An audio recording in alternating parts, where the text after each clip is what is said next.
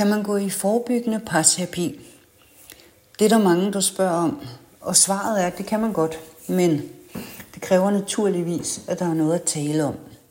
Noget, der synes svært mellem jer. Noget, I ikke får sagt til hinanden, eller sidder fast i.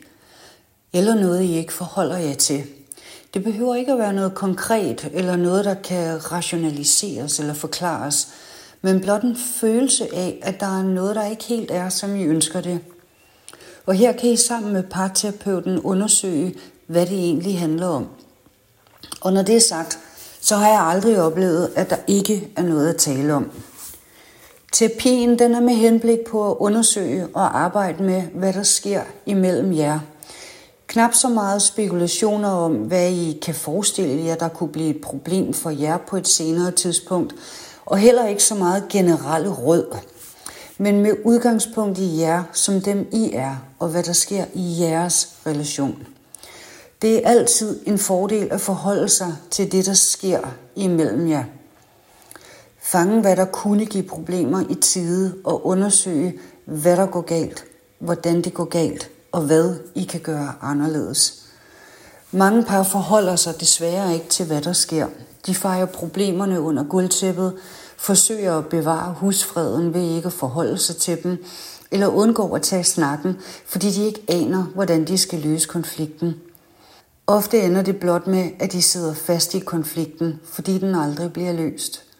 Og det kan skabe afstand mellem parterne.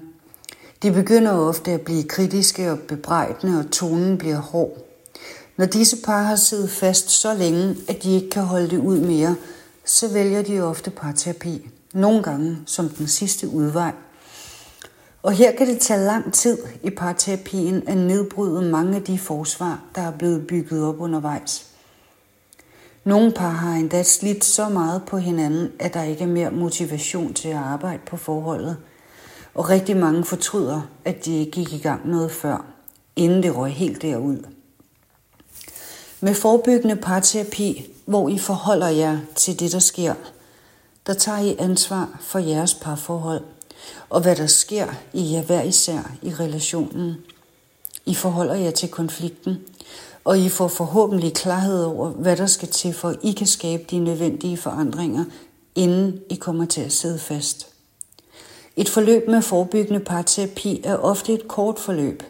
Her skal vi ikke bruge flere sessioner på at nedbryde barriere eller ændre dårlige vaner og mønstre, men kan se dem med friske og åbne øjne.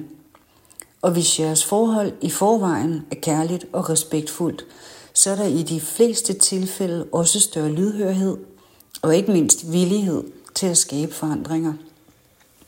Når vi ikke trives i parforholdet, så kan det have indflydelse på vores generelle trivsel. Og i mit perspektiv, der ser jeg ikke nogen grund til at vente på at kunne trives. Jeg hedder Cirkeline, og jeg er parterapeut, seksolog og psykoterapeut. Jeg har klinik i København K og arbejder til daglig med par, der har det svært i deres parforhold.